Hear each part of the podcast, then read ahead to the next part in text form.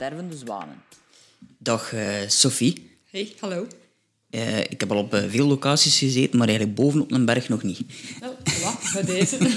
Je zit momenteel in Pakistan. Ja, ik zit momenteel in, in Pakistan. Ik wist niet dat kampen uit in Pakistan lag, maar ja, ja, ja, vandaag, wel, ja. vandaag wel alleszins. Maar het is een zomerse dag, want we hebben je donspak nodig. Hè? Ja, ja, ja, inderdaad. En dat is, uw, dat is uw man, veronderstel ik Dat is mijn man, ja. ja. Ja, En we zitten in zijn praktijk. En uh, de foto is getrokken geweest op de top van Gashebroem 2. Mm -hmm. En dat is uh, een 8000er in Pakistan. En op de achtergrond ziet je K2 liggen, de tweede hoogste van heel de wereld. Ja. En de dingen die je daar ziet liggen, dat is Broad Peak. En daar vertrekken we naar, in juni naartoe. Ja, dat was inderdaad hetgene dat ik gezien had, dat dat jullie volgende opdracht was. Of jullie volgende... Opdracht. Oh, het, is, het, is, het, is, niet echt een opdracht, denk ik. Nee, hè. nee, het, is, het is een plezier. ja. Inderdaad, voor sommige mensen zou het misschien een opdracht zijn, maar voor jullie ja. is het uh, absoluut dat niet. En dat is eigenlijk iets dat jullie in, in, in, maart, of ja, we zijn ondertussen al maart, het gaat, het gaat snel tegenwoordig. Um, het is iets dat jullie eigenlijk beginnen in maart en... Uh, we vertrekken eind juni. Ja, ja. Met zeven trekkers, één begeleider en twee medeklimmers. Ja. Uh, vertrekken we dus uh, met z'n allen naar, uh, naar Pakistan. Maar de voorbereidingen ja, die, die zijn al begonnen. Hè. Voor de expeditieleden zijn we al begonnen met de trainingen. En de trekkers die beginnen eind deze maand met de voorbereidingen. Ja, want ik kan me wel voorstellen dat, dat um, als je zo'n opdracht doet, als je nu pakweg deze deze berg wil beklimmen, of gelijk welke andere, in hoeverre, hoeveel maanden in voorbereiding zitten daar eigenlijk Dat hangt een beetje af van uw, van uw basisconditie. Ja. En wij starten meestal altijd met een inspanningstest om te zien welk vlees zit er in de kuip. Letterlijk, ja. um, we kijken ook uh, naar uh, ja, wat is de kracht, wat, wat is de stabiliteit, hoe is het met je core stability, je evenwicht, waar zijn de zwakke puntjes. Zodanig dat je de zwakke puntjes kunt aanpakken natuurlijk. Dan helpt het wel dat je man ook uh, kinesist is. Ja, ja, ja uiteraard. Ja. Hij, is, hij was mijn uh, persoonlijke trainer. Uh, vooraleer dat hij mijn partner werd. Van het is het ander gekomen. Ja, ja, ja. ja. Um, dus ja, elke voorbereiding start natuurlijk met, met de basis. Hè. Hoe is het daarmee gesteld? Heb je een heel sterke basisconditie, ja, dan heb je nog maar specifieke trainingen te doen. Je zit er natuurlijk achter met je basisconditie, dan, uh, dan kan het lang duren. Ja. ja, want ik kan me voorstellen, mijn basisconditie is op dit moment uh, behoorlijk laag. Dan ben ik nog wel een aantal maanden waarschijnlijk bezig met trainingen. Uh, of, of dan zie ik het nog meer dan, dan maanden. Ja, ja, ja, het is natuurlijk te zien welke berg dat je voor ogen hebt, of wat dat je juist wilt doen. Maar een goede basisconditie kan zes maanden, een Ja, jaar ja. tot twee jaar duren. Dat, is, dat, dat, hangt een beetje van persoon tot persoon af. Ja, want uh, ja, dat is misschien iets dat uh, nog meer belangrijk is dan in andere sporten. Natuurlijk, om je, je basisconditie is in, in elke sport sowieso belangrijk om daarop te kunnen voortbouwen. Maar ik denk in een situatie waarin dat je midden op een berg zit en je inspanning stopt op dat moment, moet je wel nog altijd terugraken uiteindelijk. Dus het is nog wel extra belangrijk, denk ik, om, om op die manier te trainen. Want het is echt specifieke training, maar moet ik mij daar eigenlijk bij voorstellen bij trainingen die, uh, die specifiek gericht zijn op een bergbeklim? Um, het gaat om een langdurige inspanning die je normaal gezien probeert te doen in je zelfste hartslagzones. Uh, maar je gaat natuurlijk wel ja, uh, ook gaan klimmen. Dus dat wil zeggen, je moet ook krachttraining hebben in je Ja. benen. Uh, we gaan misschien een zware rugzak dragen. We moeten toch wel zien dat je, je core stability in orde is. Ja, ik heb zo filmpjes gezien van jullie met, uh, op, een, op een loopband met zo'n heel grote rugzak. Ja, ja. En soms gebeurt dat bijvoorbeeld dat we met een poelka werken, dus met zo'n slee die Ja. je verder trekt. Ja, dat vraagt dan andere spiergroepen en dan gaan we dat dan ook een beetje nabootsen. Dus we proberen wel zo specifiek mogelijk te gaan trainen. Dus als dat hellingen zijn, zijn dat hellingen. Is dat bergbeklimmen, dan proberen we bergen te beklimmen. Maar aangezien dat we er hier geen hebben, is dat natuurlijk moeilijk in België. En moeten we dat een beetje simuleren. Hè? Ja. Nokrebergen, daar gaan we het niet, uh, daar gaan we het niet mee halen, denk Wel, ik. ja, we doen hele trainingen, hè, maar dan is dat natuurlijk Ja. op en af constant dezelfde heuvel. Ah ja, oké. Dus ja. Hier bijvoorbeeld een heuvel van 70 meter, dat is dan 20, 25 keer, 30 keer diezelfde heuvel op en af. Ja, ja. Dat is natuurlijk niet helemaal hetzelfde als, uh, als op een berg natuurlijk, Nee, maar dan hebben we nee. toch op zijn minst de spiergroepen Ja. inderdaad wel, Ja, wel, uh, wel getraind, denk ik. Ja. Um, hoe zeg je eigenlijk in godsnaam beland in, uh, in het alpinisme, in het uh? Ehm, heel toevallig eigenlijk. Van iemand die vroeg van, heb je geen goesting om een keer gaan indoor klimmen te gaan doen? En dat was eigenlijk wel heel tof. Ehm, en die vroeg dan ook van, ja, en dit dat zitten om te gaan rotsklimmen? Ja, waarom niet? En dan een keer rotsklimmen gedaan. Ehm, redelijk beangstigend, moet ik zeggen, mijn eerste keer dat ik op de rotsen ging. maar ik hou er wel van om mijn angsten te overwinnen. Dus had ik zoiets van, ja, ik wil dat nog doen. Ik wil dat te goed kunnen doen. Dus ik heb me dan uh, meer beginnen rotsklimmen. En dan van het rotsklimmen kwam via Ferrata kleine bergen, hoge bergen. En dat was Tom Zeep. Dat was, dat was Tom Zeep. Ja, Dat is een goede manier om het, uh, om te omschrijven. Dan is het eigenlijk alleen maar, uh, maar meer geworden. Eigenlijk. en is dat iets dat typisch in u zit dan om altijd uh, de volgende grens op te zoeken? Ja, toch wel. Ja. Ik heb verschillende sporten gedaan. Duiken, parapound, uh, valscherm, springen, motorrijden. Allee, noem maar op. Als het, maar, als het een beetje avontuurlijk was en het ja. was weggelegd voor een jongen, dan deed ik het. als het weggelegd was voor een jongen dan ook? ja, ja, ze hebben altijd gezegd dat ik een halve gast ben. um, dus ik hou wel van, een, van avontuurlijke sporten, ik zal het zo zeggen. En in die avontuurlijke sporten vind ik het wel, allee, ben ik wel nieuwsgierig naar wat kunnen we daar maximaal uithalen. Ja. Um, wat kunnen we er allemaal mee doen? En dan, ja, dan ga je natuurlijk automatisch op, op grenzen stoten van je kunnen, um, of van je talenten, of van je fysieke capaciteiten. En het leuke daaraan is, dat is dat je kunt proberen om die grenzen te verleggen.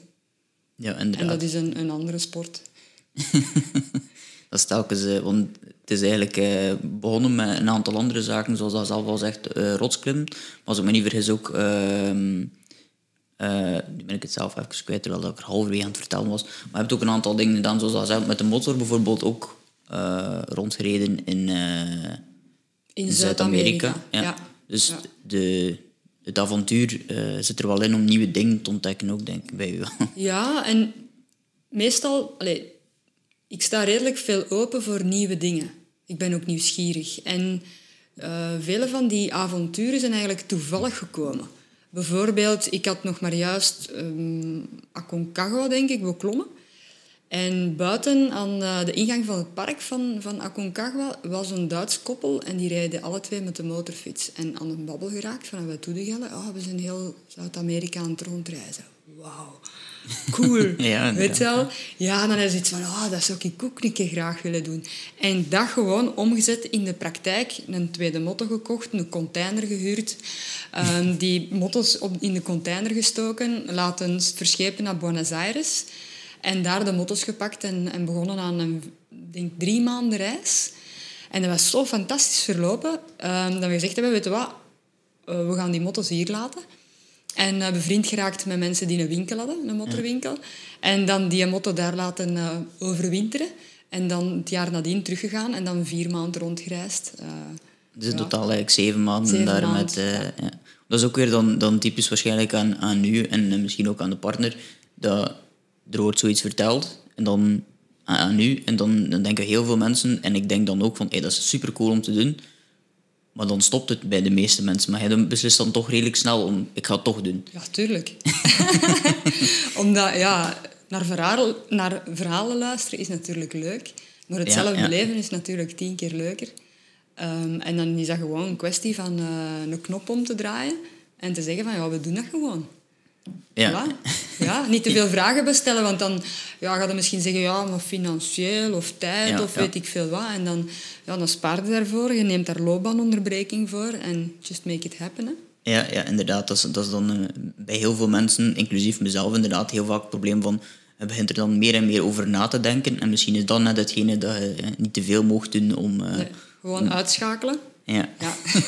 de bovenkamer uitschakelen. Bovenkamer uitschakelen. Of, of focussen naar hoe kan ik dat verwezenlijken. Ja, ja, inderdaad. Want dat hebben jullie natuurlijk al, al vaak gedaan. Uh, maar jullie hebben elkaar ook leren kennen, denk ik, op een berg of op die manier. Hè? Ja. Stef had een Belgische expeditie georganiseerd voor de Gaschebroems, dus voor die bergen eigenlijk. Ja. Uh, ik droomde ervan om een 8000er te doen. Maar ik wou dat niet zomaar doen met wildvreemde mensen. Um, dus ik kon mij een jaar op voorhand inschrijven bij Stef. En dan gingen we een keer samen gaan trainen in de Alpen, een keer de Mont Blanc gaan doen en zo. Dat was wel tof, want op die manier leerde de mensen kennen. Hè. Ja, ja. Leerde je teammaats kennen. Dat is ook wel belangrijk, denk ik. Ja, tuurlijk. Je gaat daar samen uh, op een afgelegen gebied zitten en dan is het goed om te weten van hoe zit je in elkaar, wat is zijn karakter, wat, wat, wat, kan hij of wat kan hij niet. Ja. Um, dus dat was, dat was een goeie om dat samen te kunnen doen, die voorbereidingen. Ik had ondertussen heel veel getraind met een parapound, omdat ik graag de parapound wou meepakken om van een top te vliegen. Dus ik had eigenlijk twee projecten in mijn kop. En dan, um, en dan is de expeditie er zelf gekomen. Waarin dat ik toch gemerkt heb dat ik ja, fysiek en mentaal um, het een beetje onderschat had, de 8000er. Ja. En al de facetten dat dat daarmee te maken had. En um, Stef had dat heel goed gedaan. Ja, die had al Everest gedaan. Dus die had al ervaring op, uh, op een 8000er. En met zijn ervaring, maar vooral met zijn mindset, zag ik dat er een heel groot verschil was tussen hoe dat je eigenlijk wel een 8000er moet beklimmen en niet op de bots, gelijk dat ik het probeerde te doen met mijn, met mijn wilde ideeën. Ja, want dan botste misschien inderdaad ook op uh, bepaalde limieten. Ja, eh, op je eigen limieten. Hè? Maar dat is elke keer zo in de bergen. Je komt je eigen duizend keer tegen. En dat vind ik er juist tot tof aan. Heel confronterend. Er moet ook mee kunnen omgaan. Um, ja. Ik kan soms uh, vloeken en tieren en teleurgesteld zijn in mezelf als iets niet lukt. Maar dat gaat geen ding zijn dat mij gaat tegenhouden. Dat gaat mij eerder prikkelen om te zeggen van kom aan, harder trainen, beter je best doen, niet blijten, godverdomme. ja, je moet op je tanden bijten. En um, dat was een heel goede leerschool, omdat ik heel veel zag van wat doe ik hier fout en wat doe hij goed. Mm En daar willen uit leren. Ja, inderdaad. Dat is heel belangrijk, denk ik. Willen leren. Willen leren, uh, ja door de fouten die je maakt, eigenlijk daarvan willen leren. Want uh, je zegt, ik ben mezelf daar duizend keer, of je komt jezelf duizend keer tegen. Ja. Sophie voor uh, het alpinisme en Sophie na alpinisme, alpinisme is dat misschien ook wel een, een andere soort Sophie op bepaalde dingen anders bekijkt. Want als, je, elkaar, als je je eigen veel tegenkomt, ja. dan, uh, dan leer je jezelf al kennen op andere manieren, denk ik. Dat ja, um, maar zelfs tijdens het klimmen ben ik ook nog veranderd. Ja. Ik had mm, vroeger was het eerder om de ervaring te doen en, en iets minder om de top. Dan is er echt de drang gekomen van ik wil dat ding bereiken. En dat lukte dan niet. Dat is twee keer mislukt geweest. En dan de derde keer is dat uiteindelijk wel gelukt. En daar heb ik dan ook wel veel uit geleerd, uit mijn solo-expeditie. Um, en dan ben ik eigenlijk heel hard beginnen focussen op... Ah, mijn focus moet puur en alleen op die top liggen. Um, en dat werkt mentaal heel goed om je klaar te stomen voor iets. Maar de keerzijde van de medaille is, als je zodanig gefocust bent op dat willen bereiken en je hebt dat niet, ja. Ja, dan komt er een heel grote teleurstelling. En daar heb ik ook moeten mee leren omgaan. Ja, dat kan um, ook wel een risico zijn, uh, sowieso, om, om, uh, om als je echt daar maanden naartoe werkt, om als je daar bent en je merkt halverwege of drie kwart van ik ga er eigenlijk niet raken, maar heb er zo lang aan gewerkt, dat je dan toch misschien iets te veel risico's gaat gaan nemen, en dat dat misschien dan een van de dingen is dat je ook wel, wel leert? Of? Um, ik heb het persoonlijk niet moeilijk om terug te keren. Als ik dat buikgevoel mij zegt van het is niet oké, parameters zijn niet oké, mijn lichaam is niet oké, of de omstandigheden zijn niet oké, lawinegevaar bijvoorbeeld, of kans op bevriezingen dan is bij mij de klik wel rap gemaakt van oké, we, we gaan terug naar beneden. Het is maar pas achteraf natuurlijk dat je heel de situatie terug begint af te spelen in je hoofd van hoe zijn we tot daar geraakt en waarom heb ik toen die beslissing genomen. Dat je soms wel merkt van ik heb toen die beslissing genomen om die en die reden, maar als je dat dan achteraf bekijkt, dan zeg je van ah, waarom heb ik daar niet aan gedacht? Of ik had dat kunnen doen, of ik had zo kunnen mm. Maar natuurlijk, dan zit je niet meer in diezelfde mindset. Dan zit je moe, dan heb je kou, uh, dan uh, ja, ja. zeggen er verschillende factoren van stop ermee. En dan achteraf, als je nuchter warm terug in je tentje zit, dan zie je de zaken soms anders. Ja, dus, uh, ik, ging, ik ging dan nog vragen eigenlijk... Um, de, zoals hij zelf zegt, ja, er spelen factoren zoals de koude mee. Hij gaat sowieso naar al die hoge plaatsen, daar is het sowieso koud. Maar dan besliste nog om een, eigenlijk afgelopen winter om er een winterexpeditie bij te maken. Was het nog niet koud genoeg, koud genoeg dan? Of, of was dat dan een extra uitdaging? Ja, ik wou eens weten van, kan het nog kouder? en, en als dat zo is, kun, hoe gaat het daarmee om? Ja. Hoe voelt dat aan? Uh, kun, je dat, ja, kun je dan nog verder klimmen? Of gaat u dat inderdaad tegenhouden om verder te klimmen? Ik was daar nieuwsgierig naar, van ik wil dat een keer meegemaakt hebben. Hoe, hoe koud kan het eigenlijk worden? Kunt je daar ehm, hier in België op voorbereiden op een of andere manier? Ja, je kunt koude trainingen gaan doen en, en, en zo van die koude douches nemen en in, eh, ondergekleed gaan trainen bijvoorbeeld. Ja, ja, ja. Ik heb dat gedaan voor Antarctica. Eh, ben ik veel gaan trainen met, met een, gewoon een t-shirtje als het pokken koud was buiten en zo. Ehm, maar nu om te zeggen dat dat mij echt geholpen gezicht- heeft. Dat moet ook een gezicht zijn als mensen je zien passeren in de winter in in je t-shirt plots. En dat ze ook Ja. denken, wat is die nu weer van plan?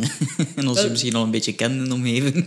Nee, het grappige was, ik was, ehm, dat was toen met eh, een vriendin dat ik eh, naar Antarctica ben gegaan en wij gingen gaan trainen in Gent. Aan het, ehm, ik heb daar zo eh, een meer met... Um, alleen noemt dat daar nu? Ik ben het kwijt. Eh, aan de watersportbaan. Aan de eh, watersportbaan, daar heb je zo'n klein uh, ja, ook nog zo een, een, ja. bergje. Wij gingen daar dus met een rugzak, met banden, autobanden achter ons, gingen wij dus gaan stappen op het strand. Omdat dat heel veel weerstand geeft, dus dat is een heel goede training. Daar kregen wij mega veel reacties over. Van, wat ga jij doen? Kan ik me wel iets bij voorstellen dat je dan inderdaad wel een paar, eh, paar gekke blikken krijgt. Ja. Ehm, nu, een van de redenen waarom dat je natuurlijk ook zit, is, is omdat je, je noemt dat van Antarctica. Ehm, dat was de laatste stop, zeg maar, om het dan zo te zeggen, in eh, de Seven Summits. Ja. Misschien eerst voor de mensen die dat niet zouden kennen. Ehm, de Seven Summits, wat houdt dat in? En, en dan de weg naartoe. Hoe is dat eigenlijk allemaal in zijn stand gekomen? Waarom er is nog een verschil tussen eentje be- willen beklimmen, Ja. tussen twee, maar in totaal de zeven doen. Ehm, de Seven Summits is eigenlijk de hoogste berg van elk continent. En je hebt zeven continenten, dus de Seven Summits. Redelijk bekend ehm, onder bergbeklimmers. Ja. Een beetje zo... Ja, een beetje prestigelijstje, zal ik maar zeggen. Voor mij nooit niet eh, een punt geweest om te zeggen van ik wil dat gedaan hebben in mijn leven. Maar mijn eh, vorige partner, die had eh, de Seven Summits beklommen en die begeleidde mensen daar naartoe. En dus ging ik mee als co-begeleider in die groepen. En zo ben ik eigenlijk mijn eerste drie gaan, gaan doen. Gewoon gaandeweg, omdat de, de, de kans er Ja, was. Ehm, en als die relatie gedaan was, dan ehm, was de kans er gekomen om voor Everest te gaan. Toevallig, omdat een collega van mij dat vroeg. Van, ja, wij gaan met drie Belgen naar Everest. Geen goesting om mee te gaan. Maar zij gingen naar de Nepalese kant en ik wou eigenlijk de Tibetaanse kant doen. En daardoor was ik beginnen rondvragen van is er iemand die wil meegaan naar Tibet? En dan had ik iemand gevonden die zei van ja, dat interesseert mij, ik wil dat ook wel doen. En dan zijn we met ons tweeën naar, de, naar, naar Everest gegaan. En het is pas als Everest is gelukt, dan had ik zoiets van ja, ik heb er nu vier, blijven er nog maar drie over. We zijn meer dan al eh, over half weg. Het is nu misschien de moment. Ja, nu is het een moment. Nu heb ik een reden. Ja, Ja, toen ja, had ik een reden om het eigenlijk eh, af te maken. Ja, Een reden om, eh, om nog zotter te gaan doen. ja omdat een van, van die drie... Die, ja, nee, eigenlijk twee van die drie. ehm dus Vinson op Antarctica. Dat is eh, niet evident om daar te geraken. En dat is Mhm. Dat verschrikkelijk laatste duur. zeker? Ja.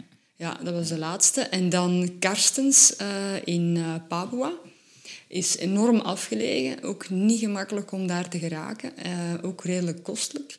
En dat waren zo er twee waarvan ik dacht van... Ja, weet wel, ik zal zien of dat, dat financieel wel haalbaar is. Ehm, en als dat blijkt haalbaar te zijn, dan wil ik dat nog wel overwegen. Ja, want er was iets dat, dat je ook bij de, de collega's van, eh van Welcome to the AA dat ik kan duiden heb. Ik heb natuurlijk ook eh, een deeltje geluisterd. Ik kon niet alles luisteren, want dan, dan Ja. stel dat de mensen nog geluisterd hebben, dan horen ze twee keer hetzelfde verhaal, wat ik ook niet. Maar iets dat mij heel erg eh, bijgebleven was, dat je zei van, het, het kost inderdaad veel geld. Ehm, en ik ben nooit iemand die rekening vraagt, voor alle duidelijkheid. Ehm, maar eh, dat je wel zei van... Mhm. kost het? Nee, nee, nee, nee, nee, nee, nee, want dat ga ik voor alle duidelijkheid niet doen.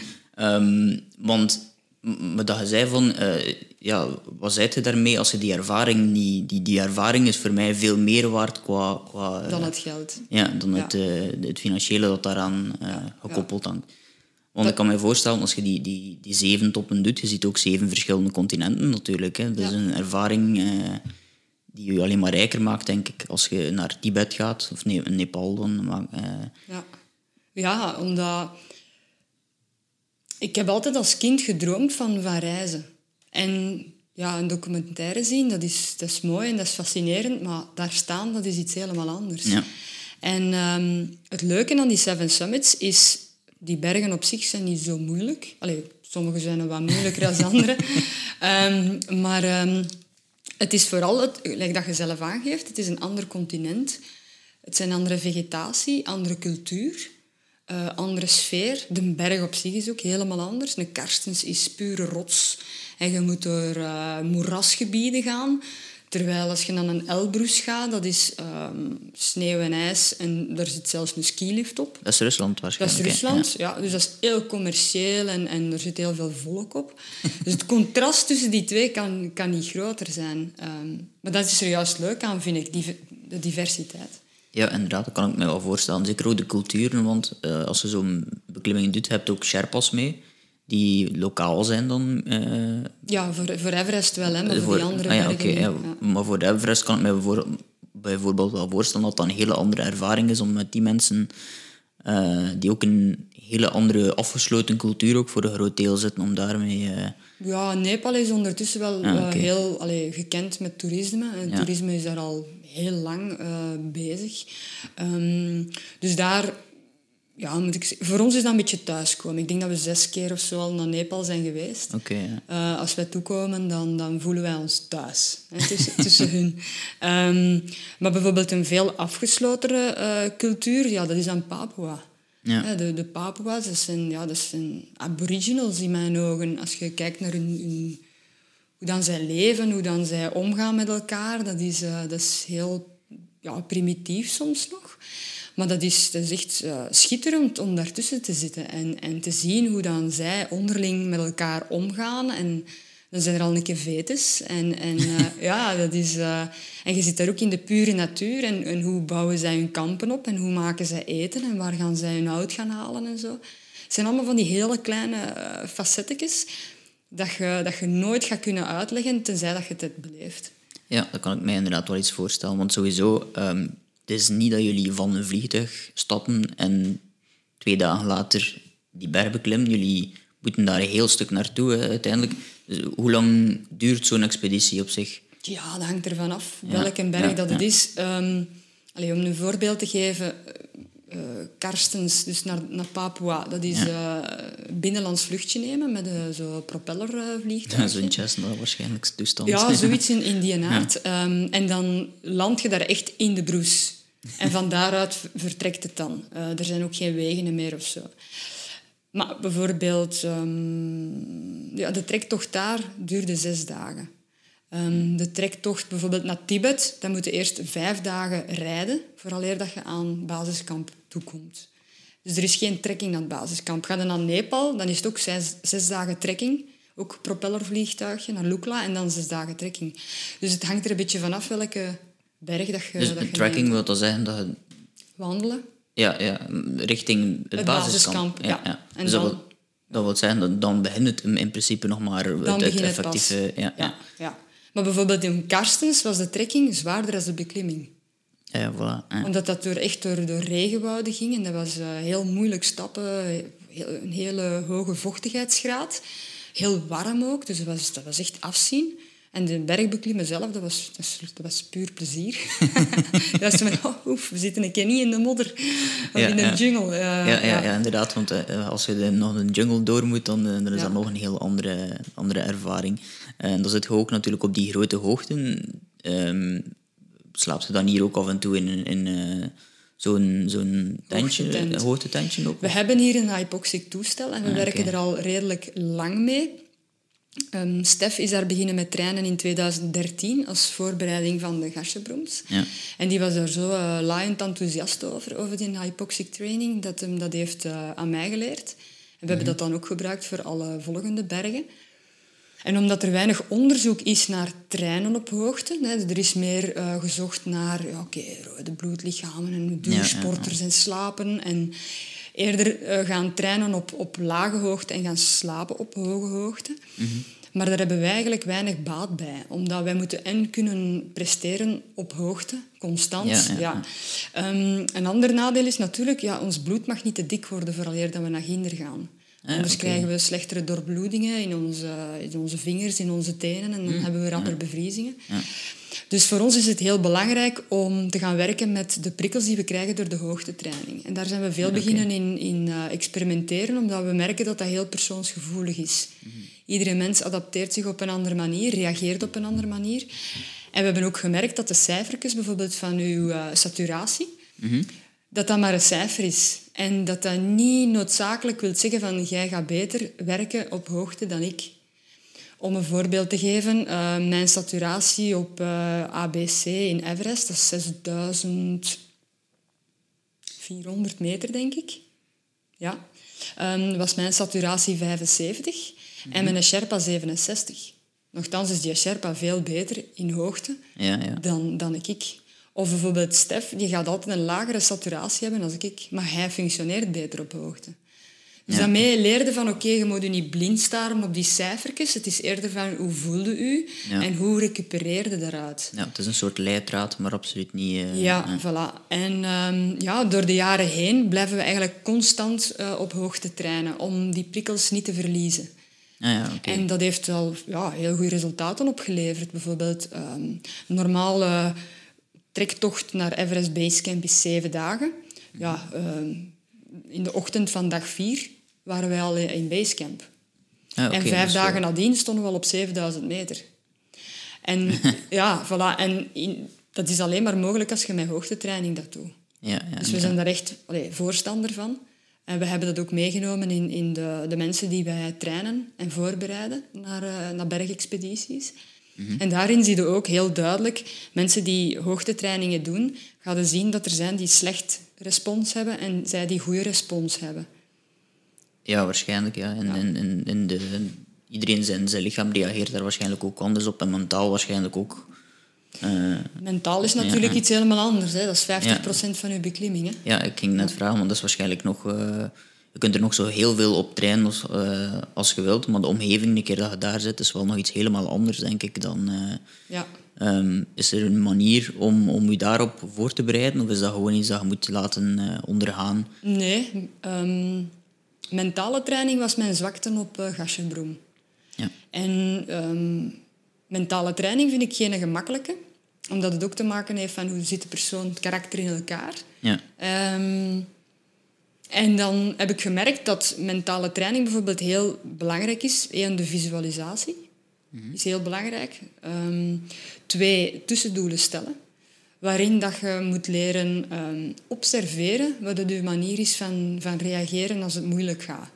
Mm-hmm. En gewaar worden van welke zijn de, de negatieve gedachtegangen die opkomen en in welke mate beïnvloeden die mijn, um, mijn beslissing. Ja, ja.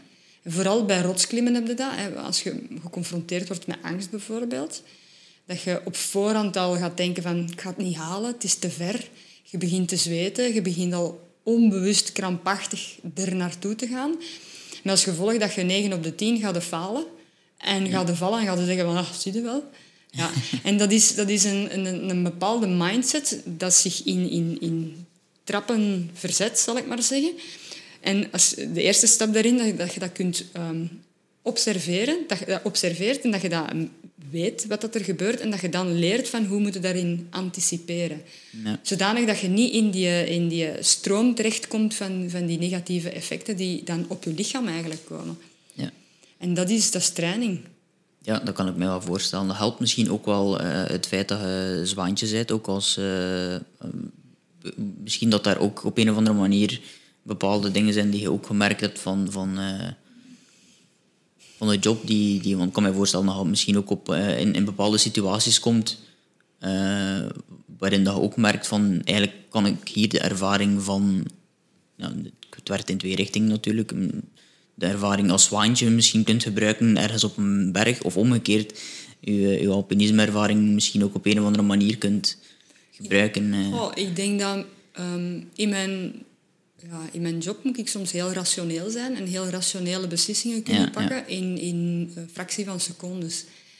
En dat helpt misschien wel bij, bij het klimmen, om bepaalde dingen eh, niet emotioneel te gaan eh, benaderen. Om toch wel ergens een rationele focus te kunnen houden over wat is er hier aan het gebeuren en wat is hier, eh, eh, hoe moet ik mijn beslissing pakken. Ja. Dat helpt misschien wel, ja. Om ook voor een deel het overzicht misschien te behouden. Als je het te veel, overzicht te eh, ja. behouden. ehm, om ook niet ehm, in... in ehm, ja, automatisch wordt je focus getrokken naar wat dat er verkeerd gaat. Terwijl dat je eigenlijk je focus altijd moet verleggen naar wat is de oplossing. Dat is in het motorrijder zo. Hè. Als je Ja, ja. iets, een object hebt dat in je richting komt, moet of een, een ongeval dat aan het gebeuren is en je wilt die ontwijken, dan moet je ook kijken naar de uitweg. Bij het klimmen kan dat even goed zo zijn. eh, maar dat kan ook even goed zijn naar oplossingen zoeken voor een probleem dat er op dat moment is. Dat je heel eh, rationeel kunt blijven met wat er gebeurt. Als er bijvoorbeeld iets gebeurt met iemand eh, fysisch, die valt of die krijgt een attack, eh, bij wijze van spreken, en je weet wat dat je moet, hoe dat je moet ja, daarop reageren, van CPR te geven. Of, ja, op dat moment kan ik heel rustig en cool en rationeel blijven. En dat is dankzij mijn job. Ja, inderdaad, daar kan ik wel, wel, eh, wel iets bij voorstellen. Ehm, we waren net aan het vertellen, die, die, eh, jullie gaan nu met een groep van zeven eh, naar Pakistan, of met een aantal meer dan zeven, zeven mensen die... die- Zeven trekkers, Ja. een begeleider en twee medeklimmers. ja. Hoe groot is dat wereldje eigenlijk? Ja, globaal is misschien moeilijk in te schatten, maar sowieso in België bijvoorbeeld, hoe groot is zi- zijn het aantal... eh, Ja, je hebt eh, de Klim eh, Bergsportvereniging, federatie, en die heeft verschillende clubs. Hè. In elke provincie zitten er verschillende clubs. Ehm, ik heb dat ook natuurlijk in, in, in Brussel en Wallonië ook zo. Dat wereldje is redelijk klein. Allee, het is te zeggen, ehm, iedereen weet wel ongeveer van, van iedereen Ja, ja. wie dat wat doet. En je komt elkaar ook een keer regelmatig ja, tegen. ja, waarschijnlijk.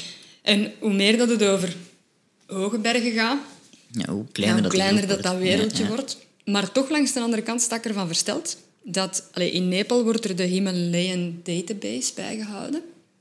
En dat is al van zolang dat er expedities zijn, wordt er eigenlijk minutieus bijgehouden van wie is er hier komen klimmen, op welke oké. berg en wat heeft je gedaan, is het gelukt, niet gelukt, met wie was die, allee, echt alles wat het daar rondhangt. En ehm, ja, je kunt dat, dat is consulteerbaar. Je kunt dat downloaden, je kunt dat bekijken. En toen dat ik vorig jaar aan het zoeken was naar een onbeklommen berg, om wat info te vergaren van, zijn er al pogingen geweest en, en hoe waren die pogingen en wat was de reden waarom dat mislukt is. Toen ben ik eens gaan kijken van ja, hoeveel Belgen hebben er eigenlijk al in Nepal geklommen en wat hebben die allemaal gedaan. Ja, en dan was ik toch wel verrast dat er ehm, veel meer mensen ehm, beklimmingen hadden gedaan of pogingen hadden gedaan naar, naar eh, bergen, ehm, naar hele hoge bergen, waarvan ik zelfs niks wist. Hoeveel zijn dat er dan? Ja, daar kan ik nu niet direct Ja, een ja, eh, cijfer op plakken, maar bijvoorbeeld, ik denk, ik denk dat er 90 mensen in totaal al naar 8000ers eh, Ah, geweest zijn.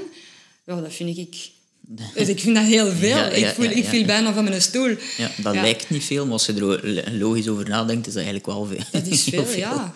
Het is ook iets dat eigenlijk nog niet zo heel lang eh, bestaat, denk ik. Hè. De voorbije twee, drie decennia misschien iets meer dan, dan voordien. Want, Ik ga misschien mis zijn, hè, maar ik denk eh, in 86 of was het 84 dat de eerste expeditie geweest is in België.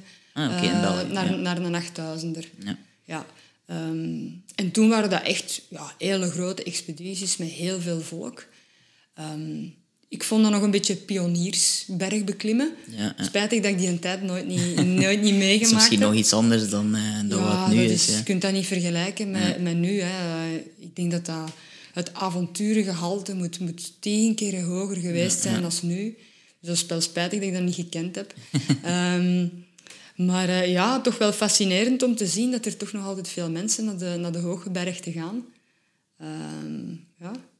Maar er zijn in België uiteindelijk maar eh, zeven mensen die erin geslaagd zijn om te doen wa- wat jij hebt gedaan met de Seven Summits, denk ik. Eh, als Wikipedia Ik nog, nog of de achtste, Ehm, of zeven anderen misschien, dat, dat op die manier was dat ik te onthouden heb. Ehm, maar er is maar één vrouw bij, hè? Ja. Er was eigenlijk eh, een, een andere vrouw ehm, die de Seven Summits heeft gedaan, maar die is, ehm, ja, ik weet niet tijdens welke beklimmingen, heeft die beslist om naar Australië te gaan. En die heeft daar eigenlijk alle eh, beklimmingen gedaan onder de Australische nationaliteit. Ah, oké. ja. Ja, ja. Ehm, maar wat dat ze nu nog doet, of... Allee, ik weet dat zij ja, als, eerste, denk ik, ja, misschien als eerste vrouwelijke Australische de Ah ja, Summits heeft eh, gedaan. Ja. Want er is niemand in België, ook niemand in de, in de Benelux eigenlijk, die eh, als, als vrouw... eh, Ehm, ik denk in Nederland is er denk ik een vrouw op weg om ze Ah ja, te doen. En ja. ik denk dat ze nog maar één berg moet doen. Ah ja, oké. Ja, maar van Luxemburg weet ik absoluut niets. Dus ik heb niks gevonden op internet. Eh, ze beschrijft dan natuurlijk eh, van de Benelux, maar Ja. de luxe wordt meestal ook een beetje vergeten natuurlijk in dat verhaal. ja, ja, een piepklein landje wel. Hè. Ja, ja, het is dat zoveel, eh, zoveel opties zijn er niet. Er zijn misschien wel een paar heel mooie klimbanden daar in, eh, in, eh, Luxemburg. Ehm, is dat ook een beetje de verhouding? Eh, veel minder vrouwen dan in... in, in eh, Ja, toch wel. ja, Ja, ja. Alhoewel ik moet zeggen dat het de laatste jaren toch wel fel verbeterd is. Dat er veel meer vrouwen ook eh 8000ers gaan beklimmen. Ehm, sommige vrouwen zijn echt eh, heel straf daarin. En, en ja, die zelfs 8000ers doen zonder zuurstof allemaal. Ehm, dus het is toch wel ehm, ja, schoon om te zien dat, de, dat, allee, dat een vrouw evenzeer eh, zo van die dingen kan doen. Maar het is en blijft natuurlijk wel nog altijd een mannenwereld. Ja. Ja, ja. Dat is iets dat je ook een soort van gewoon bent, denk ik, eh, van met je job. Eh, Ja, dat is ook om- een om, eh, mannenwereld. Allee, om ja, ik moet zeggen, dat, ja, daar ook in de jaren heen zijn er veel meer vrouwen ja, bijgekomen. Ja, Het is al op, op, op vele vlakken wat dat betreft misschien minder een... het is nog altijd een mannenwereld, maar misschien iets minder een macho-wereld. Dat is misschien nog een manier. Alhoewel, Ja. ik zie je toch twijfelen bij hetgene wat ik zeg niet. Ehm, uiteindelijk, eh, van alle bergen die je gedaan hebt, want het zijn er wat, je hebt er natuurlijk die zeven eh, grootste gedaan, maar je hebt er natuurlijk veel meer gedaan. Hoeveel heb je er eigenlijk in totaal gedaan, misschien daarmee? Je hebt geen idee waarschijnlijk. Nee, niet. nee, nee. idee. Nee, je hebt er ook een aantal gedaan die nog, niet, eh, die nog geen route hadden. Ik herinner me een artikel. Ja, in november zijn we Ja. naar, naar Pakistan geweest en daar hadden we graag ehm, een berg gedaan ehm, als eerste winterbeklimming. Ja. Dat is eh, helemaal in het water gevallen, alleen in de sneeuw gevallen, letterlijk. Ehm, omdat we, ja, we hebben veel te veel diepsneeuw gekregen, we geraakten niet meer vooruit. Eh, als we de berekening maakten van ja, we hebben nog zoveel kilometer te gaan en dan moeten we nog een route zoeken naar die berg en nog de berg beklimmen en dan nog terug geraken binnen die tijd, denk ik niet. Dat ging niet meer. Ehm, en dan hebben we ter plekke gezegd van, "Pff, weet wel, we maken er hier het beste van. En toevallig, terwijl dat we daar aan het ploeteren waren in de sneeuw, zaten we te kijken naar een berg, die, allez, een bergketen die rechts van ons lag. En we hadden daar een hele mooie couloir eh, zien in liggen. En ik heb daar nog de camerabeelden van, dat we zo onder ons aan het discussiëren zijn van ja, wat gaan we nu doen? Ja, allee, bedoel, het heeft niet veel zin. Ja, wat kunnen we hier doen? Ja, dat is een schone couloir. En dan uiteindelijk hebben we gezegd van, weet wat, we gaan die doen. En we hebben dan ons tent er neergezet en dan... ehm, Chef en eh, Stef, dus we hadden ene kameraad bij ons, die zijn dan alle twee een keer even gaan kijken van hoe ziet dat eruit, wat is de stijltegraad en zo. En dan ehm, hebben we gezegd van ja, we gaan die een doen. En dan de volgende dag eh, was het prachtig weer. Maar dan in één keer was er geen sneeuw meer. en dan hebben we eigenlijk een, een magnifieke dag gehad. En, ehm, en dan uiteindelijk bleek die dus inderdaad nog niet beklommen te zijn geweest. Dat was eigenlijk een couloir. Een couloir is een soort van... Ja, dat wil eigenlijk zeggen dat je een gully hebt. Hè. Zo, een gang gezegd, waarschijnlijk tussen twee, ja, dus ja. een sneeuwgully, dat is... Ja. Dan, dan gaat het die couloir, of dat is een hele schone. Die schone witte lijn. Ehm, ja. dat is iets dat in de Alpen heel veel wordt gedaan. Hè. Een, een, een, een route klimmen. Daarom niet dat je naar de top gaat, maar wel dat je de route doet. En uiteindelijk hebben we dat dan gedaan. Want in een beklimming die nog niet beklommen is, iets dat je nog nooit ehm, naartoe geweest bent, hoe beslist je dan om, om bepaalde... Hoe, hoe gaat dat dan in zijn werk? Kunnen dat voorhand plannen? Van kijk, wij moeten zo op die manier... Ja, je ziet hem natuurlijk van, van ver, Ja, ja. ehm, waarin dat je probeert in te schatten wat dat de moeilijkheden kunnen zijn. Eh, op het moment zelf ga je natuurlijk constant gaan kijken van hoe, hoe is de sneeuwkwaliteit, is er lawinegevaar, Ehm, kunnen we afzekeren, wordt het te steil, wordt het te ijzig. We zaten in een couloir die zuidelijk gericht was. Dus dat wil zeggen dat ja, dus als de zon erop zit, dan, Ja, ja, dan begint alles ja. te smelten. Dus we moesten oppassen. En eigenlijk vlak voordat we op de, op de graad waren gekomen, wat dat eigenlijk het eindpunt was van onze couloir, ehm, dan zaten we echt tot de sneeuw in onze heupen. Tot aan onze heupen. En we zaten echt op een, op een flank dat lawinegevaarlijk was. Ja, tot 50 centimeter verse sneeuw gevallen. Ja. En toen hebben we gezegd van kijk, voor die laatste 50 meter, het is te gevaarlijk. We kunnen nergens niet afzekeren. hè. De rotsen waren er heel eh, brokkelig. Ehm, dus we konden niks van zekeringen plaatsen of zo. En je zit op vijf dagen van de bewoonde wereld. We hadden maar één satelliettelefoon en we hadden geen GPS. Dus dat wil zeggen dat op dat moment waar dan we toen zaten, niemand wist waar dan wij zaten. Dus dat er daar een lawine uh, allez, ontstaan en dienen met de satelliettelefoon zou bedolven geraakt zijn, ja, dan hadden we zelfs geen middelen meer om, om de buitenwereld te, te verwittigen. En dan, dat zijn allemaal factoren dat je in je achterhoofd houdt en dat je zegt van, kijk, hadden we in de Alpen geweest, hadden we waarschijnlijk doorgeklommen. Ja, maar omdat je op dat moment daar in Pakistan zit, dan denk je van, nee, we gaan terugkeren. dat is toch nog een andere ervaring. Want dat is bijvoorbeeld die, die laatste berg, de Vitson? Of, Vinson. Vinson um, dat is in Antarctica. Uh, dat, dat, is ook waarschijnlijk zo'n verhaal waar, waarin dat je ja, toch ook wel heel snel of, of heel uh, ja, dat is helemaal weg van alles wat er in, in de buurt is, denk ik. Hè? Ja, maar ja, het is te zeggen, um, je zit daar niet alleen. Hè. Er zitten op dat moment verschillende uh, bedrijven. Ja, ik noem dat bedrijven, ja, dat zijn eigenlijk bedrijven. Uh, companies die, die dat organiseren. Die hebben hun gidsen, die hebben hun, hun expeditieleiders. Ja, Oké, dus daar is wel meer dan... Ja. dan En uh, ze zitten daar ook met, met rangers. Dus dat wil zeggen, de um, ALE, dat is de, de Amerikaanse slash... uit de UK. Een bedrijf dat zich specialiseert in heel de logistiek van Antarctica. Dus die doen alles. Oh, okay. uh, vliegtuig, tenten, allee, alles. En zij hebben um, tentenkampen opgericht waar dat iemand permanent zit. Om te monitoren van uh, die groep is dan vertrokken met zoveel mensen, zijn ja, die okay. al terug. Omdat die ook wel weten van als er iets gebeurt of er loopt er iemand verloren of weet ik veel wat, ja, voor die te gaan zoeken, dat is, dat is een serieuze rescue die moet opgezet worden. Um, dus die proberen natuurlijk alles zo goed als mogelijk te monitoren. Dus je klimt daar in een ja, redelijk veilige omgeving, ja, ja. Hè, door het feit dat je daar zo goed omkaderd wordt. wil natuurlijk niet zeggen dat er niet altijd iets kan gebeuren. Hè. Nee, nee, nee. Maar uh, ze zijn er dan toch wel rap bij. Ja, ja. Um, het is bijvoorbeeld ook zo, denk ik, um, bij de Everest heb ik bijvoorbeeld ook al zo verhalen gelezen van, van dat daar file was aan de top, omdat er maar beperkte momenten zijn waarin dat er kan geklommen worden, mm -hmm. dat eigenlijk daar drukker is dan veel mensen denken. Ja. Dat daar heel vaak op de top komt, maar niet alleen komt op de, de, de top. Nee, nee ja, je hebt heel veel mensen um, die proberen te toppen op hetzelfde moment. Ja. Een weersvenster is, is eigenlijk een paar dagen waarin dat de jetstream niet op de top zit. En dan heb je wind dat je kunt toppen. Maar op het moment dat een jetstream erop zit, is het onmogelijk om te toppen. Dat de, de wind dan... De wind zit is, veel, ja, is veel te hoog en dan daalt uw, uw, uw temperatuur drastisch. En dat is gewoon niet... Allee, dat mm. overleefde niet. en die weersvensters... Ja, ze weten ongeveer wanneer dat die weersvensters gaan komen. Dat is zo eind mei. Um, maar ja, is dat één dag? Is dat drie dagen? Ga je één venster krijgen of krijg je drie vensters? Niemand weet dat. Met als gevolg natuurlijk, ja, op het moment dat de weersvoorspellingen binnenkomen en ze zien de vensters ja, dan beslissen ze van oké, okay, die organisatie met zoveel man en die met zoveel man, ja, en dan tellen ze dat een beetje uit, die gaan dan naar de top. Ja, okay, en in ja. dat andere weersvenster. Maar ze kunnen niet verplichten van jij moogt wel en jij moogt niet. Dus die hmm. proberen onderling overeen te komen van ja, hoeveel heb jij er en hoeveel heb ik er.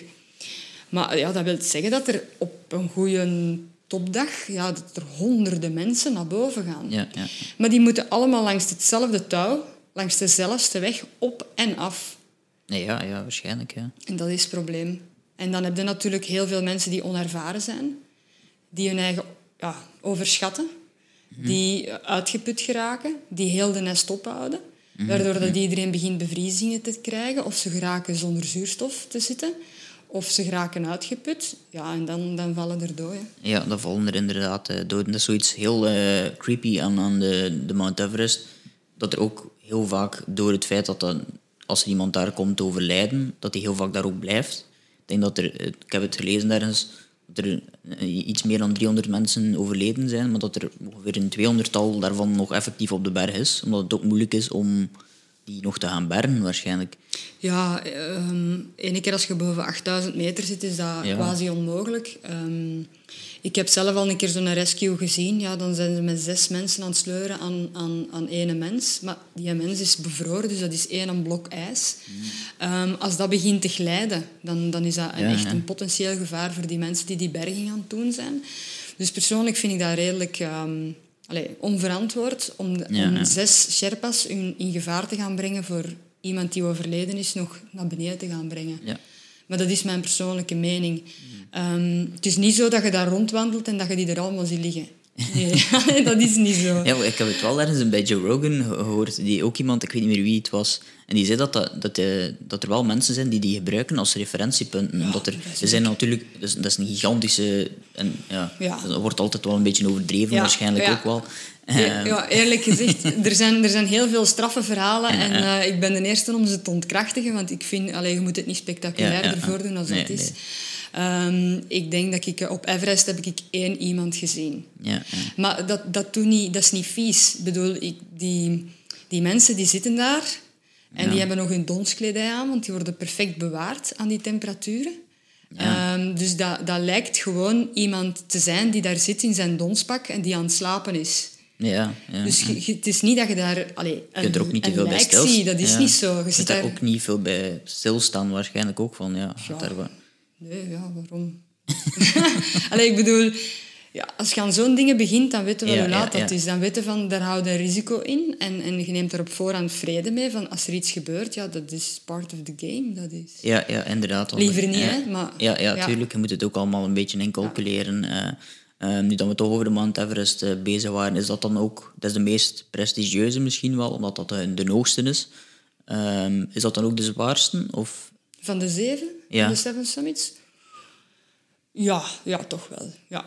Je zit met de hoogte, je zit met de, de lange inspanningen, de lange tijd dat je daar zit en zo. Je zit met de extreme koude. Dus eh, ja, dat, van, de zeven, van de Seven Summits is dat toch wel de zwaarste. ehm, hoe lang zijt je dan bezig aan de Mount Everest? Dan is... Een maand en een half. Ah ja, oké. Dat je eigenlijk van daar landen dan, veronderstel ik? Ja, een maand en dan, een half eh, landen, eh, trektocht doen, acclimatiseren, beklimming doen, terugkeren. Ja, maar je kunt ook waarschijnlijk door het feit dat die hoogte zo hoog is, waarschijnlijk ook niet zomaar in een aantal eh, dagen naar omhoog, omdat je die, die hoogte telkens moet Je acclimatiseren. moet acclimatiseren, Ja, ja. ja. Natuurlijk, door die hoogtetraining kan dat allemaal Ja. veel vlotter gaan. Dat hebben we zelf ook wel gemerkt. Dus je kunt je, je tijd voor het acclimatiseren verminderen door hoogtetraining te doen. Maar dat is natuurlijk maar tot op een bepaald punt. De meeste hypoxic-toestellen gaan maar tot 6000 meter. Er zijn er die beweren dat ze tot 7000 meter kunnen gaan, maar dat wordt zelden of nooit gedaan. Ehm, dus dat wil zeggen, alles boven de 6000 meter moet je terug je lichaam laten eh, adapteren. Ja. Ehm, wat dan met die hoogtetraining dan weer wel beter zal gaan.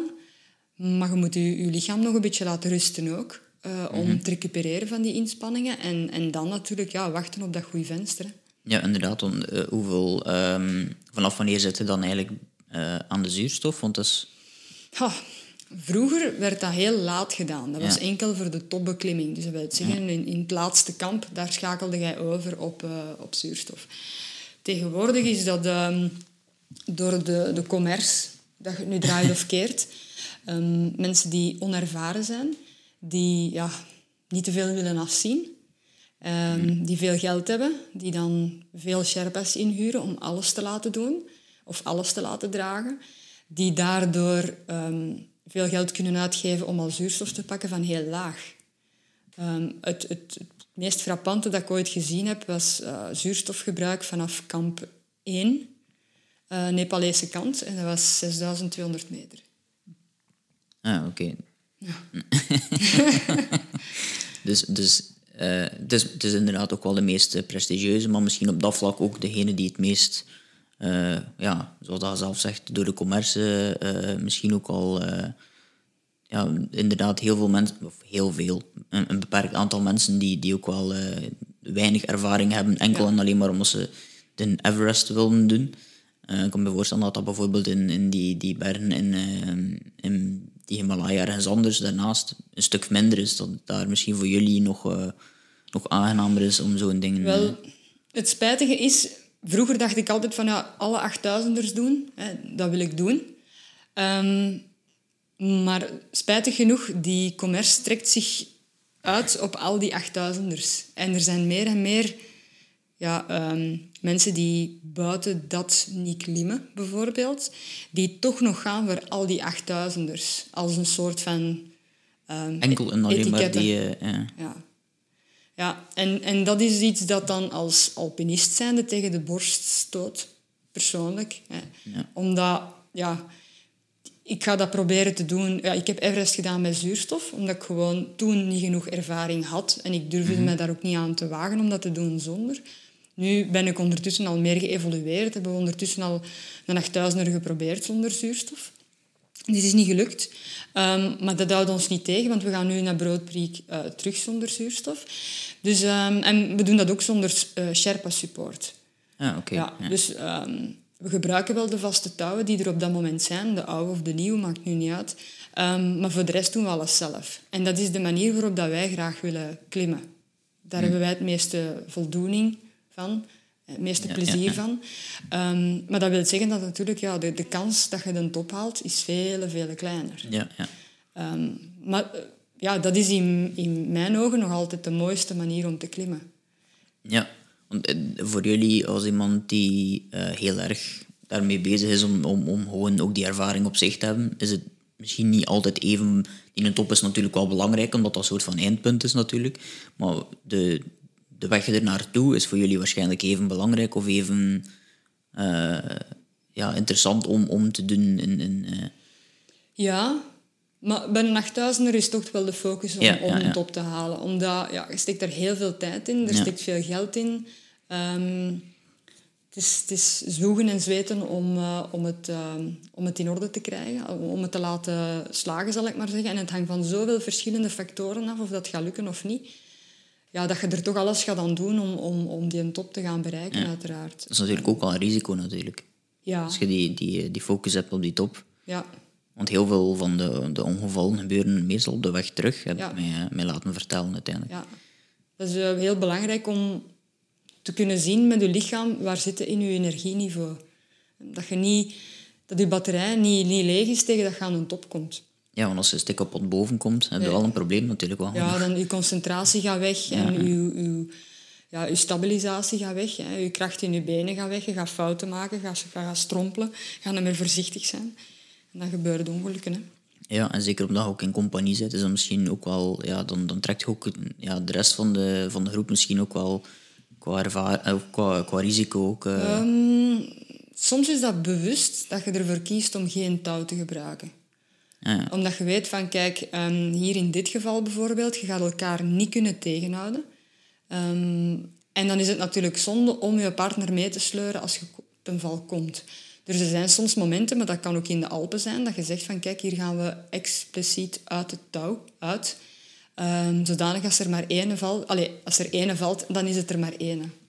Ja, ja inderdaad. Dat, dat klinkt hard, maar ik denk dat dat de realiteit is van, van zo'n uh, van situatie, van zo'n zo'n sport ook. Hè, dat je, ja, ja, je moet soms um, zware keuzes kunnen maken. Ja. Hè. Ik denk dat um, Into the Void een, een heel schoon uh, verhaal is daarover. Ik weet niet of je die film ooit gezien hebt. Dat zegt me iets, maar ik kan me ja, niet... Dat, was, uh, ja, dat waren Britten die waren gaan klimmen um, in uh, Peru. En die hebben daar op een zeker moment ook een accident voor gehad. En op een zeker moment heeft een van de twee moeten beslissen om het touw door te snijden. Mm. Alle twee dood of ene dood. Ja, ja. Nu, uiteindelijk hebben ze het alle twee overleefd. Ah, okay. Maar het gaat erom dat als je samen gaat klimmen in, in de bergen, dat er misschien ooit een moment gaat komen waarin dat je een hele harde beslissing gaat moeten nemen. Ja, en je doet dat dan nog met je partner. Dat heeft voor- en nadelen. Ja, ja inderdaad. Ja. Uh, ik vraag me dan af als jullie al die, dat soort uh, avonturen uh, doen. Um, want daarnaast, jullie doen bergbeklimmen, maar ook bijvoorbeeld trailrun, heb ik me Ja. laten vertellen. Hè. Um, jullie doen eigenlijk bijna heel veel, heel veel samen dan, Ja. dan dat soort uh, dingen. Jullie alles weer dan een soort van uh, adrenaline-junkies die... Of kunnen jullie ook gewoon naast elkaar in de zetel naar, naar Pakwacht thuis kijken? Ja, ja, ja. We kijken veel naar Netflix. Ah, ja, voilà. Ja. Ehm, nee, we, we doen heel veel graag samen. ehm, zowel klimmen als, als trailrunnen. ja. Iedereen natuurlijk een beetje op zijn eigen niveau. Ehm, ja, en, en we vinden elkaar daar wel in. Dat, dat er wordt eh, ja, gecompenseerd van... eh, als hij een keer een hele lange trail wilt gaan lopen, wat dat veel te veel is voor mij, dan, dan doet hem dat alleen. Maar dan zorg ik voor de support. Ehm, ja, we moeten elkaar daar een beetje in leren vinden. Hè. ja, want jullie doen die expedities eh, een aantal keer in het jaar. Eh, hoeveel keer in het jaar zijn jullie dan in principe weg? Zoveel als mogelijk. Ehm, ik denk dat we ongeveer ja, één grote expeditie uh, per jaar hebben. En daarnaast hebben we toch nog één of twee andere kleinere projecten lopen. Dat kunnen dan de bergen zijn, maar ja, met de kids gaan we ook nog een keer graag... Allez, kids, de jonge volwassenen, uh, gaan we ook nog een keer graag op reis, maar dan is dat ook uh, meestal altijd sportief. Um, ja. En dan ja, nog de mensen die we begeleiden. Dan is dat voor een trekking of voor een ultratrail of ja... Dus uiteindelijk is het avontuur uh, nog altijd uh, heel veel aanwezig. Constant. Ja, ja. Ja, ja, Heb je dat dan ook effectief zo op die manier nodig om... om Ja, um, soms denk ik wel zoiets van... Oh, zou ik nog een keer niet hè, wat rustiger aan kunnen doen? Maar ik zou me heel rap vervelen, denk ik. aard van het beestje om dat net niet te doen. Misschien dat dat met corona veranderd is. Ik weet niet hoe de... Nee, we, we hebben nog altijd dat wij trainen en ons blijven voorbereiden. Was natuurlijk heel frustrerend vorig jaar, omdat veel expedities in, ja, in stop zijn gevallen. Um, ja, dus dat was wel mentaal een moeilijke. Hè, want ja, je, je, je wilt je focussen op iets en dan valt je focus weg. Je moet elke keer terug, uh, terug de draad oppakken en, en, en hopen dat je iets gaat mogen doen. En dan, ach, nee, je mocht weer niet.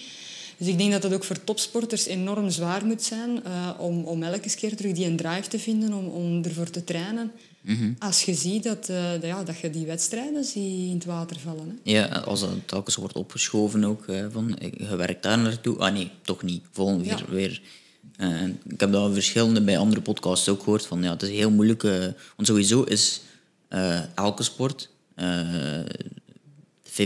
qua mentaal en qua fysiek. Hè. Ja. En als je er mentaal niet, niet alleen de, de prestatie zelf, zoals dat bij jullie bijvoorbeeld is het is niet alleen belangrijk, denk ik, om, om op dat moment mentaal de juiste beslissing te kunnen nemen en mentaal er niet door, uh, door te zakken, maar om dat dagelijks vooral te doen. Hè.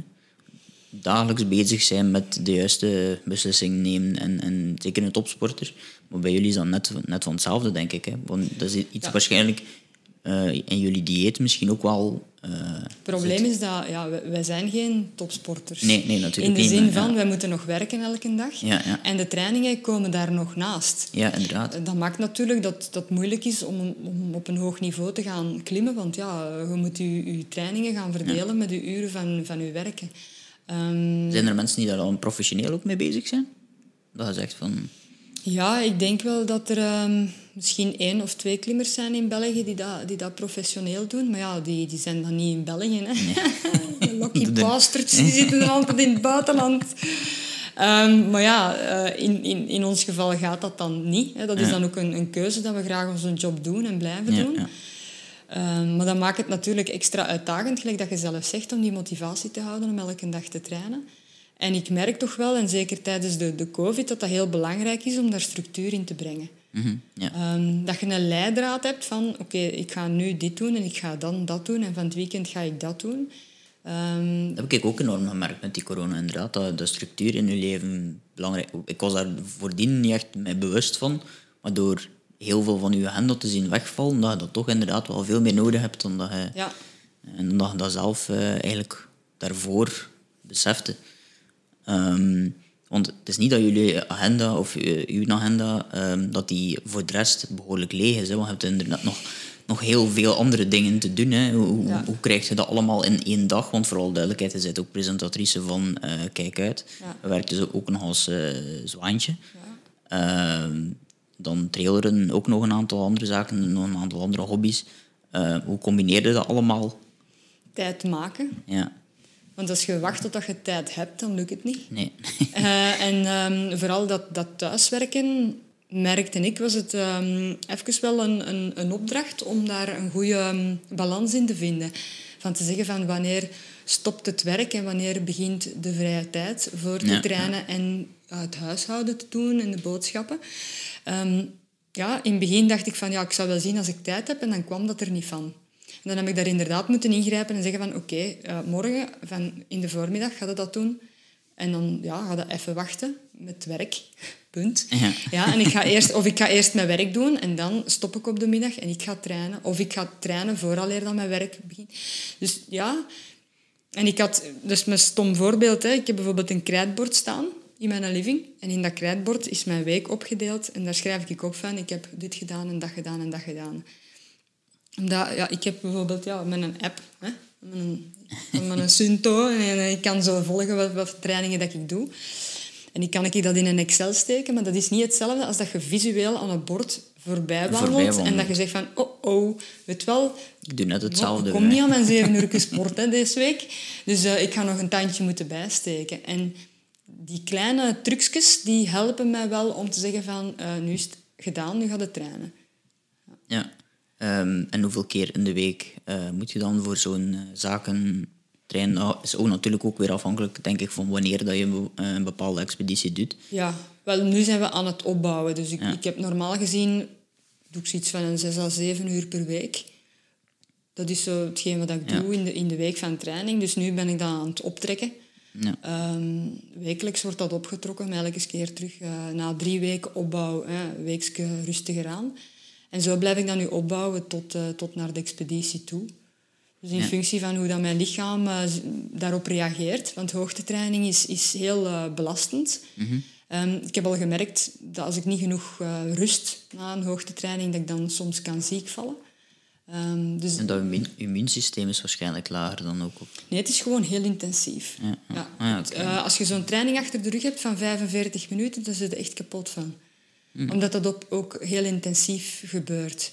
Um, we proberen onze spieren uh, maximaal te, te gaan belasten, zodanig dat zij veel zuurstof vragen dan ze die krijgen, om die prikkel uh, goed te laten doordringen. Um, en dat is belangrijk in mijn trainingsschema's toe, om, om goed te luisteren naar het lichaam. En op tijd uh, te zeggen van, kijk, hm, vandaag misschien toch wel best een, een dagje rust of een beetje cuptraining. Ja. En dan pas terug trainen.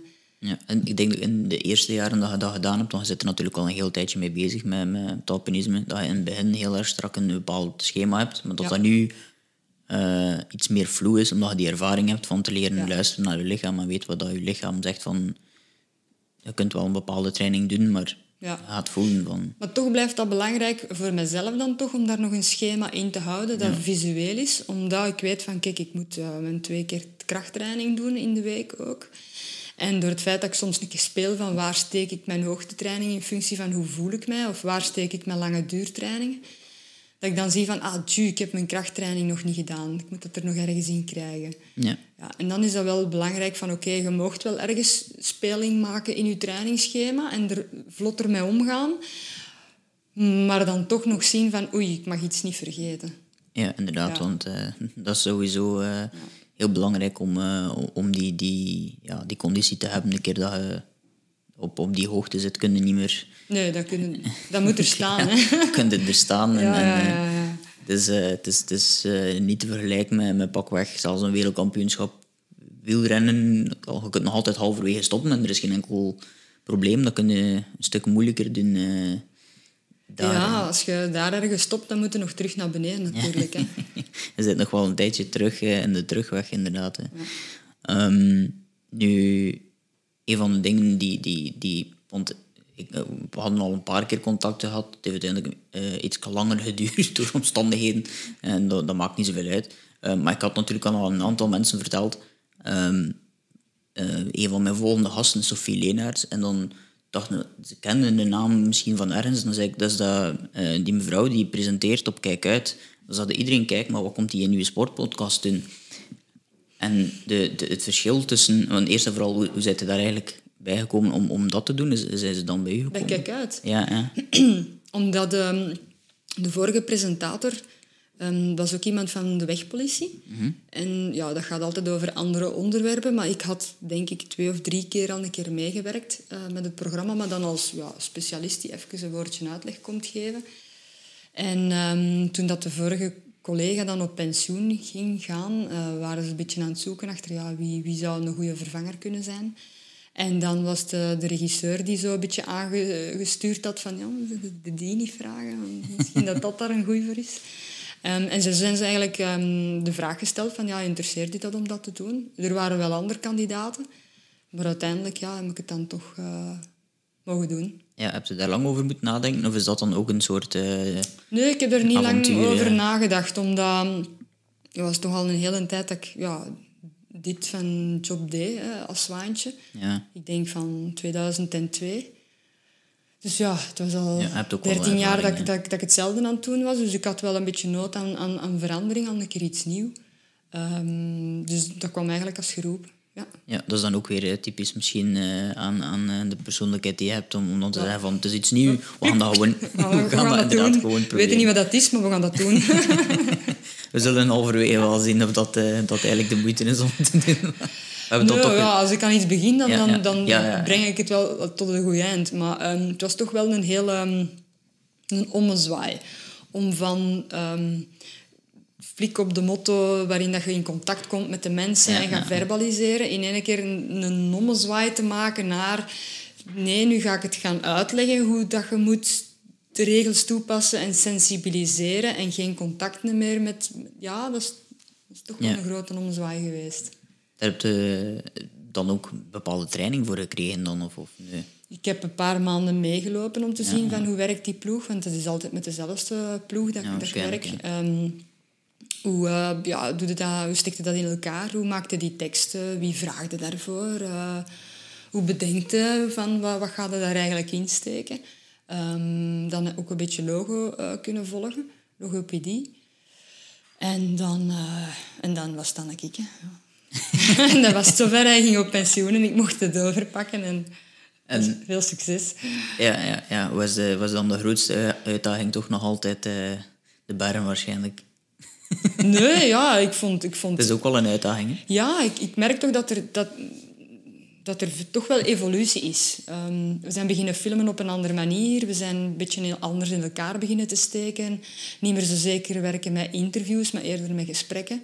Ehm, dus ja, we hebben toch wel geprobeerd om het een beetje te verjongen. Om het een beetje dynamischer te maken. Ook de manier waarop dat we filmen. Ehm, ja, de onderwerpen blijven natuurlijk wel ongeveer dezelfde. Ja, die kun je Het niet gaat echt altijd over een fiets en dus een auto en een vrachtwagen. Ehm, regels zijn er genoeg. Geen tekort Ja, aan regels. Dat is, eh, nee, nee.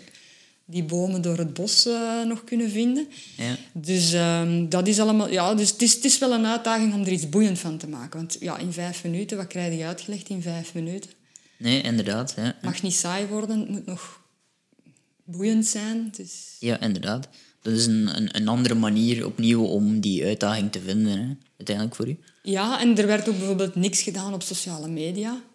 We hebben ook gezegd van ja, we moeten meer op sociale media beginnen te ja. werken. Dus we zitten nu al op eh, Facebook en Instagram en zo, LinkedIn, dat ik nog ja, wat post. dus dat is er ook allemaal bijgekomen. Ja, ja. Ehm, nu, we zitten hier in de praktijk ook. ehm, eh, dat is ook altijd iets wat ik probeer. Ik doe dat meestal helemaal in het begin, maar eigenlijk heb ik nu een, een deel van... We zijn eigenlijk direct naar de bergen getrokken. Ehm, maar we, in, in dit geval, we zitten hier in de praktijk. Physiodix. Fysiotics, ja. ja, In Kampenhout. Ehm, wat doen jullie eigenlijk hier vooral? Dit is een groepspraktijk Ja. eh, van, van mijn vriend Stef. Hij is uh, kinesist. Er zitten hier nog eh, drie kinesisten. Maar eh, Erno McRae, die eh, Belgisch kampioen mountainbike eh, was, die doet hier bijvoorbeeld bikefitting en eh, performance training, eh, personal training. We hebben nu een psycholoog die hier zit voor eh, eh, life coach. We hebben een voedingsspecialiste. Dus ja, het is, het is veel verder gegaan dan, dan enkel kinesiotherapie eh, Ja, of revalidatie. Dus het is eigenlijk meer een, een, nu ook een sportpraktijk geworden waarin dat mensen ook kunnen hoogtetraining doen bijvoorbeeld. Ja, ja. dat heeft natuurlijk... eh, doordat jullie na- natuurlijk allemaal Dat, doen. ja, dat is dan het geluk. Hè. Inderdaad, wel het geluk. Dan komen er waarschijnlijk ook wel veel, eh, veel alpinisten eh, deze richting uit, dat kan ik mij voorstellen. Ja, het heeft wel even geduurd dat we de naam hadden. Van, kijk, we hebben toch wat ervaring opgedaan en, en we delen die ervaring graag door lezingen of door te gaan spreken op eh, beurzen of, of outdoor filmfestivals. Maar we zouden natuurlijk ook graag in de praktijk omzetten en dat mensen ja, beter voorbereid naar de bergen gaan. Ehm, en dat is wel een heel toffe doelgroep, ehm, vind ik, om in te werken. Omdat je ziet dat dat toch allemaal heel persoonlijk is. Hè? Dat de mensen of dan ze ervaring hebben, of hun fysiek sterk of zwak is, of wat dan ze willen doen. Ja. Dus altijd eh, de mensen leren kennen eh, op, op allerlei vlakken om Ja. eh, om zo'n beslissing te kunnen nemen, om, om dat te doen uiteindelijk. Hè. Ja, en dat is, dat is ook de uitdaging. Hè, van hoe kun je die persoon met zijn karakter en zijn zwakke en zijn sterke kantjes het beste voorbereiden voor wat dat hij in zijn kop heeft om, of zij zou willen bereiken. Ehm, en dat is, dat is dan ook een uitdaging. hè. Ja, absoluut, want er hoeven daarvoor niet altijd 8000ers te zijn Nee, natuurlijk ook. nee, dat, dat, dat, kan, eh, dat kan alles zijn eh, Ja. wat dat betreft. Eh, ik heb altijd één standaardvraag. Eh de luisteraars weten nu al wat er komt. Ehm, maar wat mag ik u de komende weken, maanden, jaren toewensen? Goede gezondheid. Ja, dat is grappig. Ik heb dat al een paar keer verteld, maar dat is iets dat voor de corona een stuk minder voorkwam als antwoord dan nu. Aha. Ja, ik vind gezondheid sowieso super belangrijk. Ja, tuurlijk, tuurlijk. maar- Ja, we zijn altijd bezig met hoe kun je, dat, eh, hoe kun je eigen gezond houden op alle vlakken. Mentaal, voeding. ja, ja. Dus een goede gezondheid is, is de basis. Ehm, en dan eh, ja, toffe ervaring in de, in de bergen terug. Hè. ja, Dat zou... dat zal niet ontbreken, denk ik. Hè. Ja, we, doen- we, doen, we doen er alles aan om, om het fijn te houden. Dus, eh, Ja, inderdaad. Ehm, misschien nog eigenlijk, want ik weet niet ehm, wat de leeftijd juist is. Het is altijd onbeleefd om dat te vragen aan een vrouw. Maar ehm, tot hoe lang kun je zoiets ongeveer doen eigenlijk? Ik had onlangs een artikel gelezen dat ehm, een Spanjaard nu bezig is om alle 8000ers eh bijna af te vinken. Ik denk dat hij er nog ene moet doen. En ik denk dat hij ergens in de 70 is. Ik zie mijn opa al bezig. Nu, hij is er ook wel heel lang mee bezig. Ja, ja, ja, waarschijnlijk Ehm, ook niet Carlos iemand is, die, is, is al eh, jaren actief in de bergen. Eh, maar toch, ja, je moet het maar doen natuurlijk. Hè. Dus het is wel eh, iets dat je ook wel nog behoorlijk lang kunt doen. Het Ja. is niet dat... eh, En ik merk dat ook in, in rotsklimmen, als we naar de rotsen gaan of zo, dan merken wij soms ook daar mensen van ja, 60 jaar, die daar nog altijd aan het rotsklimmen zijn. Dan zeg ik van, wow, fantastisch, je moet het maar doen. Hè. Ja. dat, is, dat is misschien ook wel een soort van, van droom of, voor u om, om dat op die manier eh, uit te kunnen worden. eh met toch nog altijd avontuur. Liefst in een berghut ergens ver weg, in alle rust en in alle natuur, daar dromen we van. Ja. Ja, dat is wel eh, een droom naar, naar de toekomst. Van ons beiden, ja, dat we zeggen van als we dat ooit zouden kunnen verwezenlijken, dan... Zelf eigenlijk ergens aan de, de voet van een van Ja. die... dat, is een, dat is een mooie ambitie om te hebben, denk ik. Hè. Of dat die nu nabij is of niet nabij is die in de toekomst, dat, dat hangt altijd een beetje van factoren. Ja, maar dan, dat, dat is leuk om over te kunnen nadenken dat dat een leuke ambitie is. Ehm, ik denk dat dat een mooie manier is om eh, de, eh, weer af te dalen van onze top. Eh, en hoe lang heb ik daarover nagedacht om die opmerking te maken? Ehm nee, maar als is heel erg bedankt. Vond, vond het leuk, geen probleem. Het is de eerste keer dat ik in Kampenhout eh, was. Ik, ik, was eerlijk gezegd volledig blind over eh, waar dat het eh, lag. Eh, dus, maar oké, dank u wel alleszins, Sophie. En tot misschien de volgende, wie weet. ja, wie weet.